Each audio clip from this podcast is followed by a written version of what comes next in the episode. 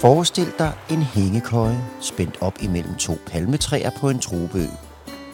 Du lukker øjnene og mærker kun den blide brise på maven og hører bølgernes brusen. Det er cirka sådan, de fleste tænker på en hængekøje. Men som økonomisk begreb, der er det noget lidt andet. Der er det et udtryk for, at økonomien er på vej ind i en koldfront. Hængekøjen er en graf, der går nedad i en blød bue, indtil den når bunden, og så går det stille og roligt op igen, så det ligner en hængekøje. Det er et økonomisk udtryk for, at der vil være færre penge i statskassen og færre mennesker på arbejdsmarkedet til at få hjulene til at køre rundt i en årrække. Så når du hører politikere være lidt bekymrede for fremtiden og tale om, at vi skal ruste os til dårligere tider, ja, så er det blandt andet på grund af hængekøjen.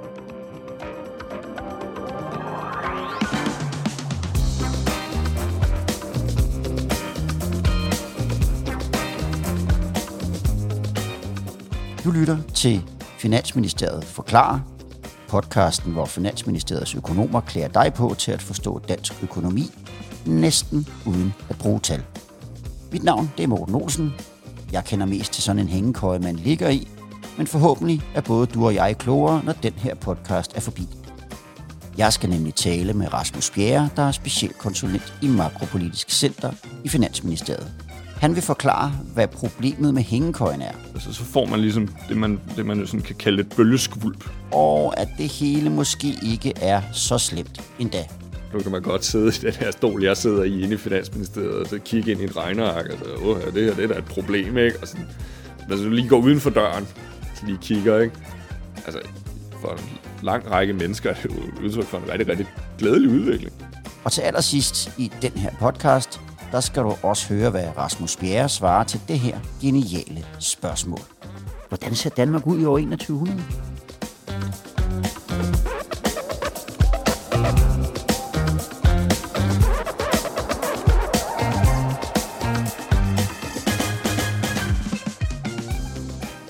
Velkommen til dig, Rasmus. Tak skal du have, Morten, og tak for invitationen. Allerførst vil jeg gerne spørge dig, er der, har du sådan en særlig faglig fascination for et eller andet inden for økonomien, som øh, sådan virkelig tænder din professionelle begejstring? Jeg har altid synes det her med sådan, hvad hedder det, øh, sådan modellere, modellering af økonomiske størrelser, altså hvor man sådan lidt leger samfundsingeniør. Vi prøver nærmest med blok og blyant til ja. at starte med, ikke? Ja. Godt. Så prøver vi så at køre det igennem maskinen, ja. og så ser vi, hvad den, så ser vi, hvad den ligesom, hvad den giver. Det, det, det, det på en eller anden måde, det, det tænder et eller andet i mig, Ja. som, som det er sådan lidt udefinerbart. Det, det kan jeg godt mærke. Det kan, det kan sådan få mig til sådan at Ja. knytte næverne sammen og bide tænderne sammen og sådan, yes, mand, det er det her. Helt kort til at starte med.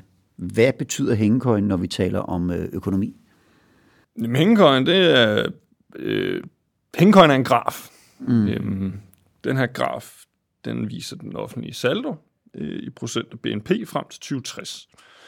Øhm, det er jo blevet sådan et meget indforstået begreb blandt økonomer, når man taler hængekøjeudfordring. Vi skal måske også lige starte med at sige, at når man siger den offentlige saldo, jamen, så er det den offentlige sektors indtægter fratrukket dens udgifter. Når jeg tænker saldo, så er det, så, så er det sådan noget, jeg ser på min, øh, inde på min netbank. Ikke? Der står saldo nede i bunden. Ja, jamen, det er det, der er tilbage på kontoen. Det, det er det også. Ja. Ja. Det er det grundlæggende. det. Og så har den her, den her graf, den ligner en hængekøje. Altså, Ja. Lidt ligesom man, lidt ligesom man for nogle år siden talte meget om det der, der hed elefantgrafen. Ja. Og så var alle ligesom, åh, den der, ikke? Ja. Det er så lidt blevet det samme her.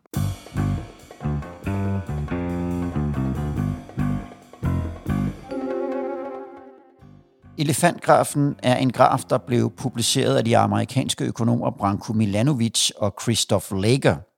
Den så dagens lys i 2013, og den viser helt kort fortalt, at verdens allerfattigste og middelklassen i de vestlige lande havde tabt globaliseringsræset i årene fra 1988 til 2008. For imens alle andre grupper havde fået mange flere penge på lommen, så gik det lidt mere træt for lige præcis de to grupper. Grunden til, at den hedder elefantgrafen, det er ganske simpelt, at den ligner en elefant og den var, som Rasmus siger, meget omtalt i medierne og blandt økonomer for nogle år tilbage, men det er altså en lidt anden økonomisk diskussion end den, vi har fat i her. Hvor ofte forholder du dig som makroøkonom til, til, til hængekøjen? Jamen, jeg, vil sige, jeg gør ret tit. Mm. Jeg, arbejder også med offentlige finanser sådan på langt sigt, men altså, det, det er grundlæggende sådan, at hver eneste gang, vi skal vurdere et politisk økonomisk tiltag, jamen, jamen, så vil vi jo selvfølgelig kigge på, jamen, hvad betyder det for hvad betyder det for statskassen i morgen, mm. og hvad betyder det for statskassen frem mod 2030, som er det, vi sådan planlægger ind til i øjeblikket, og så vil vi også se, hvad betyder det for de offentlige finanser på lang sigt. Godt, men lad mig, lad mig forstå det rigtigt. Den offentlige saldo har det fint nu, der er plus, og så når vi på et eller andet tidspunkt, hvor det bare lige så stille begynder at gå ned, og går simpelthen i minus, og så vil det ligge i minus i en overrække, før det lige så stille og roligt går op igen. Jamen, det er korrekt. Og hvornår er det, at øh, vi så kan forvente, at den her hængekøj-effekt, den indtræffer? Ja, man kan sige, den er jo den er sådan, den er sådan set allerede lidt i gang. Mm. Så bliver det så tiltagende de her offentlige underskud og det her demografiske pres, man taler om. Det her med, ja. at der bliver flere og flere ældre. Øh, der er flere og flere, der kommer på pension, fordi jamen, de når deres pensionsalder. Øh, og så samtidig med, at hvad skal man sige, dem, der kommer ind på arbejdsmarkedet i årgangen, jamen, de er relativt mindre end dem, der forlader arbejdsmarkedet i den anden ende. Mm. Øhm, og det er klart, hvis man, er, hvis man ikke er på arbejdsmarkedet, jamen, så betaler man ikke, så, så, hvad skal man sige, så bidrager du ikke til statskassen i form af skat. Mm. Øhm, og hvis du er på pension, jamen, så har du også øh, så har du ret til folkepension, og det er jo rigtig dejligt altså for, for alle, der er det. Men, men det er nu det er selvfølgelig en udfordring for, for hvad skal man sige, det offentlige budget.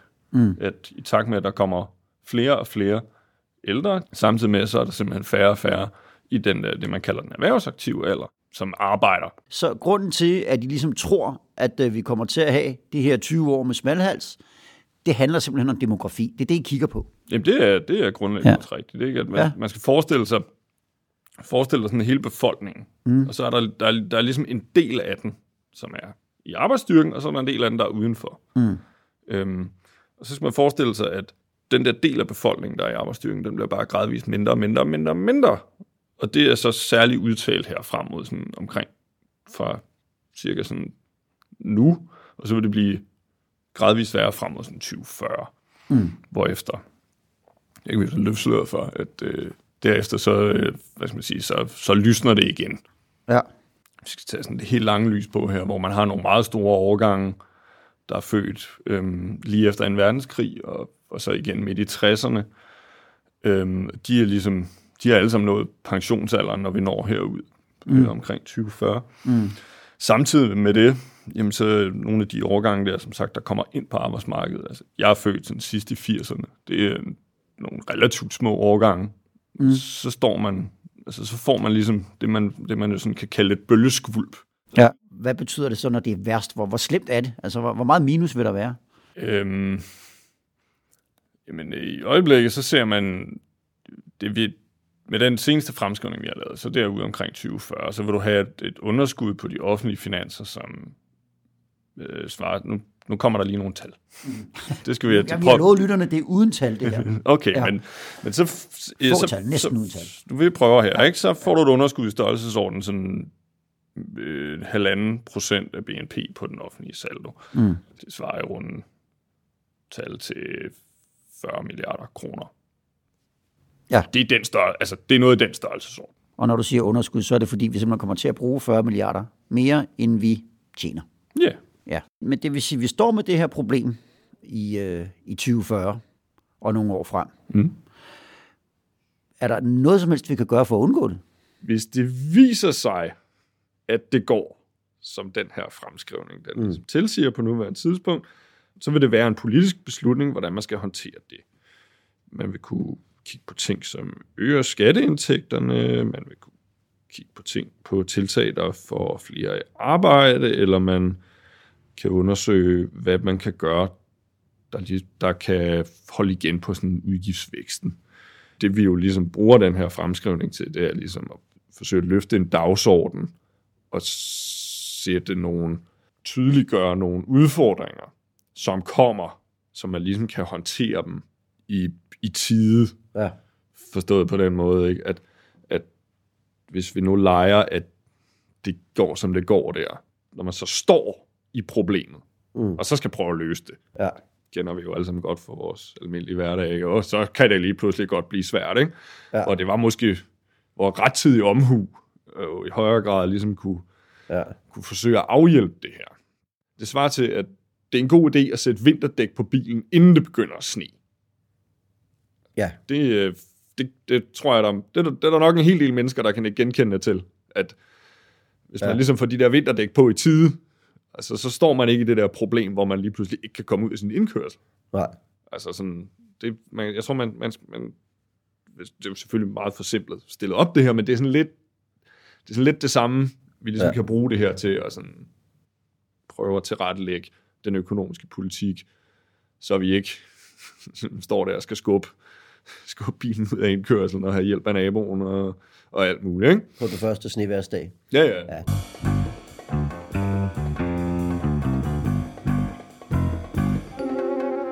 Så fremtidens økonomi er på mange måder simpel demografi. Det handler simpelthen om, hvor mange danskere, der kan arbejde, og hvor mange børn og ældre der er. For børn og ældre koster som udgangspunkt penge fra statskassen. Og når den fordeling i nogle år er skæv, så går saldoen i minus. Det kan man løse ved at få flere i arbejde, eller arbejde længere, eller også må man skære på statens udgifter, eller sørge for, at der kommer flere penge i kassen ved for eksempel at hæve skatterne.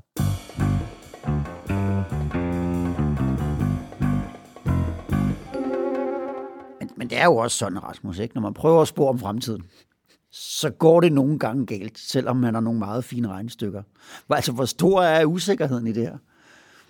Ja, det er jo et rigtig godt spørgsmål, men det er bare, det, det er ikke rigtig, det er ikke det, der sådan er sigtet med dem. At, Mm. Altså sigtet med, med sådan en frem, med, med de her lange fremskrivninger, det er ikke at sådan tænke, "Nå, om, om 15 år, så skal vi ende lige præcis der på en hel masse parametre, som vi har siddet og skønnet over. Altså, Det er ikke en krystalkugle. det er ikke, det er ikke en krystalkugle, Nej. det, og det er heller ikke meningen. Nej. Det, man sådan kan bruge det til, det er ligesom at sige, sådan, når, når, nu laver vi en fremskrivning på et givet tidspunkt, Mm. og så siger vi så, Nå, men så kigger vi sådan umiddelbart ind i den her udvikling. Okay, men så kan vi så rykke den tilbage, og så sige, jamen, hvis den her udvikling, vi kigger ind i, den er, den er, der er nogle udfordringer ved den, jamen, så begynder man jo også at beslutte nogle ting, som påvirker udviklingen ud i tid. Altså, Ja. øh, og så ender man jo ikke det samme sted. Mm. Så, så man kan sige, det var ikke... så som krystalkugle, så nej. Så, nej, så virker det ikke. Så, sådan, det, sådan fungerer det ikke, og det skal det egentlig heller ikke. Altså, det, og det er jo igen så tilbage til den her grundlæggende præmis for, den her, for de her lange, lange fremskrivninger. Det er jo sådan, jamen, hvis vi tager den samfundsstruktur, vi har nu, og den økonomiske politik, vi fører, hvis vi nu kører den, øh, hvis vi fortsætter den Ja. ud i, i princippet i uendelig tid, jamen, hvor ender vi så hen? Mm. øh, hvad skal man- så kan vi prøve at planlægge den økonomiske politik ud fra, ud fra hvad sådan, det, vi kigger ud i, som ligesom ja. måske kan afbøde nogle af de problemer, der ligger og venter. Mm. Vi kan sætte vinterdæk på med det samme. At vi kan sætte, vi kan sætte vinterdæk på, inden ja. det begynder at sne. Og sne, lige præcis. Så hvis jeg nu ringer til dig i 2040 og siger, Rasmus, hvad blev der af den der hængekøj, vi engang lavede en podcast om? Den er aldrig dukket op. Øh, Så vil en sandsynlig forklaring være hvad? Hvis du ringer om 20 år, så hvor pokker blev den der hængekøj af, som Ja. ja. du jo påstod, der var i, i sådan en fremskrivning, så vil jeg så formentlig kunne svare, jamen, der blev besluttet det og det og det, der gjorde, at så endte vi ikke det samme sted, som vi kiggede ud i dengang. Men altså, hvis, hvis, hvis jeg forstår dig ret, så er det også sådan, at økonomien ser rigtig sund ud nu. Så kan vi se, at der er nogle år, hvor det kommer til at se, øh, den kommer til at gå i minus faktisk. Øh, men men så, så går den jo op igen, og, og bliver god igen på den anden side. Kunne vi i virkeligheden, kunne vi i virkeligheden bare sige, vi går i minus nogle år, og så lader vi det være det, fordi vi, vi, så kan vi låne pengene, og så, så kommer de tilbage igen. Øh, og så, og så, og så betaler vi dem tilbage i fremtiden, når vi ved, at det bliver meget bedre. Både ja og nej. Mm. Altså, man kan sige, hvis vi skal starte med udgangspunktet, så er det jo, at dansk økonomi er jo sådan, står et, et meget godt sted lige nu. Vi har det, der hedder nettoformue for den offentlige sektor, det vil sige, at den offentlige sektor har væsentligt flere finansielle aktiver, end den har passiver, det vil sige, at vi har ikke ret meget gæld. Ud fra den kalkyl, så kan man jo sådan godt sige, okay, men så kan vi godt stifte noget gæld og prøve at dække det her. Øhm, der skal man selvfølgelig, der skal man så lige være øh, opmærksom på, at jamen, øh, vi har i Danmark det, der hedder en øh, budgetlov, som sætter nogle grænser for, øh, hvor store underskud den offentlige sektor må køre med. Og EU har også nogle regler, mm. som man skal leve op til. Ja. Det sætter nogle rammer.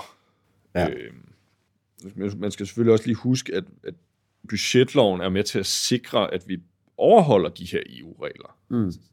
Altså, Rasmus, nu kan det jo lyde sådan lidt dystopisk det hele. Ikke? Det bliver øh, 20 år med smalhals, hvor vi skal slide og slæbe, måske gå op i arbejdstid og alt muligt andet, for at få, få det til at hænge sammen. Men den gode nyhed her, det er jo på den anden side. Der går det jo bare opad med økonomien. Der får vi det så godt, vi kommer til at være så rige, hvis man kigger på de fremskrivninger, der er lavet nu. Men er der noget, der kan forplumre det?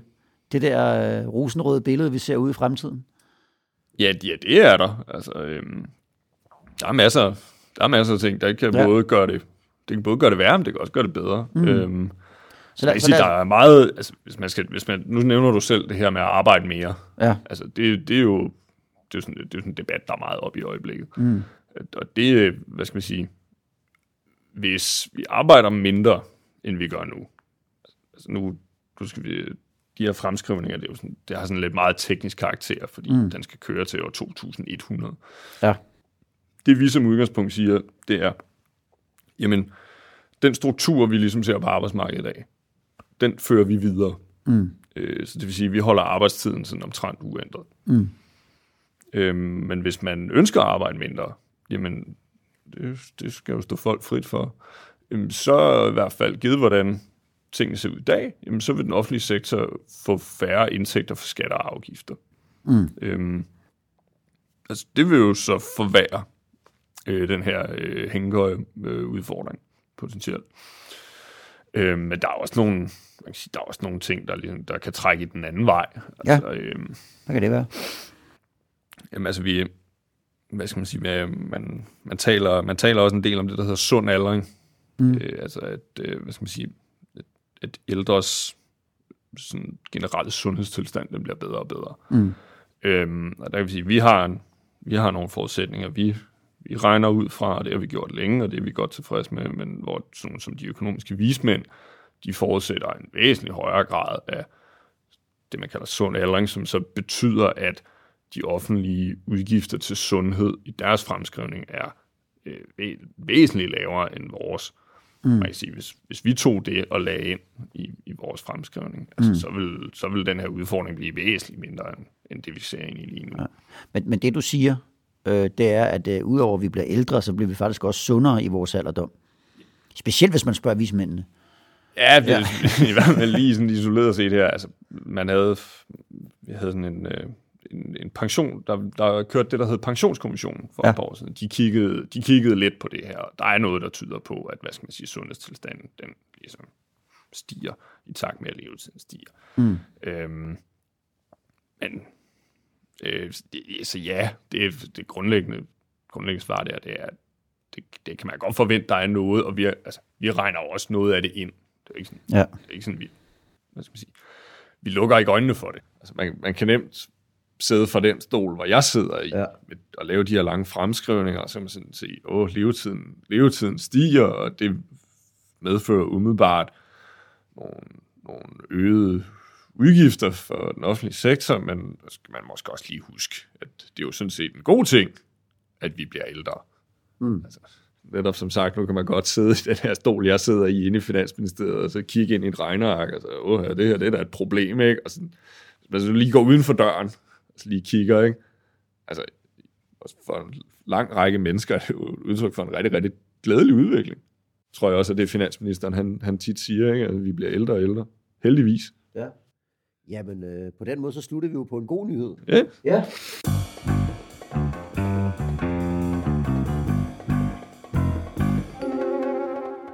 Sund aldring. Se, det er interessant. Det er simpelthen antagelsen om, at dem, der bliver gamle i fremtiden, ganske vist vil leve længere, men de vil formentlig også være mere raske og have mindre brug for medicin, have færre hospitalsindlæggelser og mindre brug for pleje. Og derfor så kan udgifterne blive mindre, end vi regner med, og dermed gøre økonomien bedre end i fremskrivningerne. Her til sidst vil vi gerne tage den store stjernekikkert frem og se langt ud i fremtiden for at se, hvad der gemmer sig bag ved hængekøjen.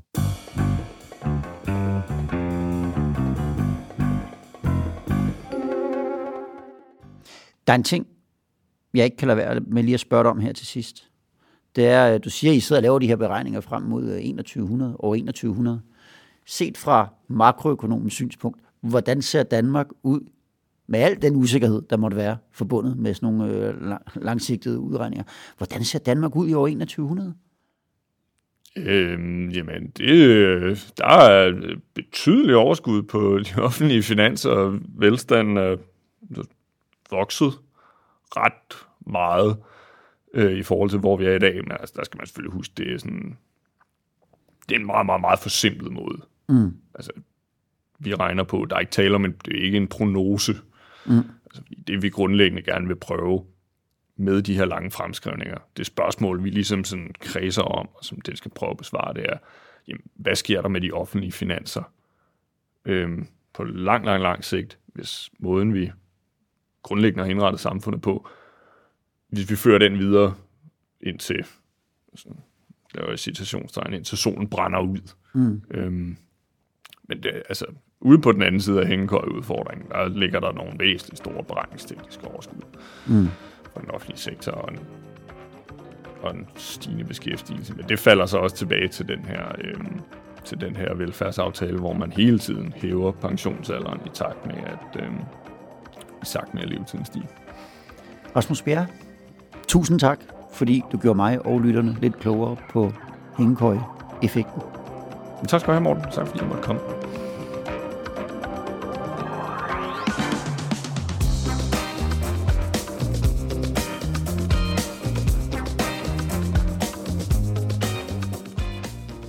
Har lyttet til Finansministeriet Forklar, som denne gang handlede om det økonomiske begreb, man kalder hængekøjen.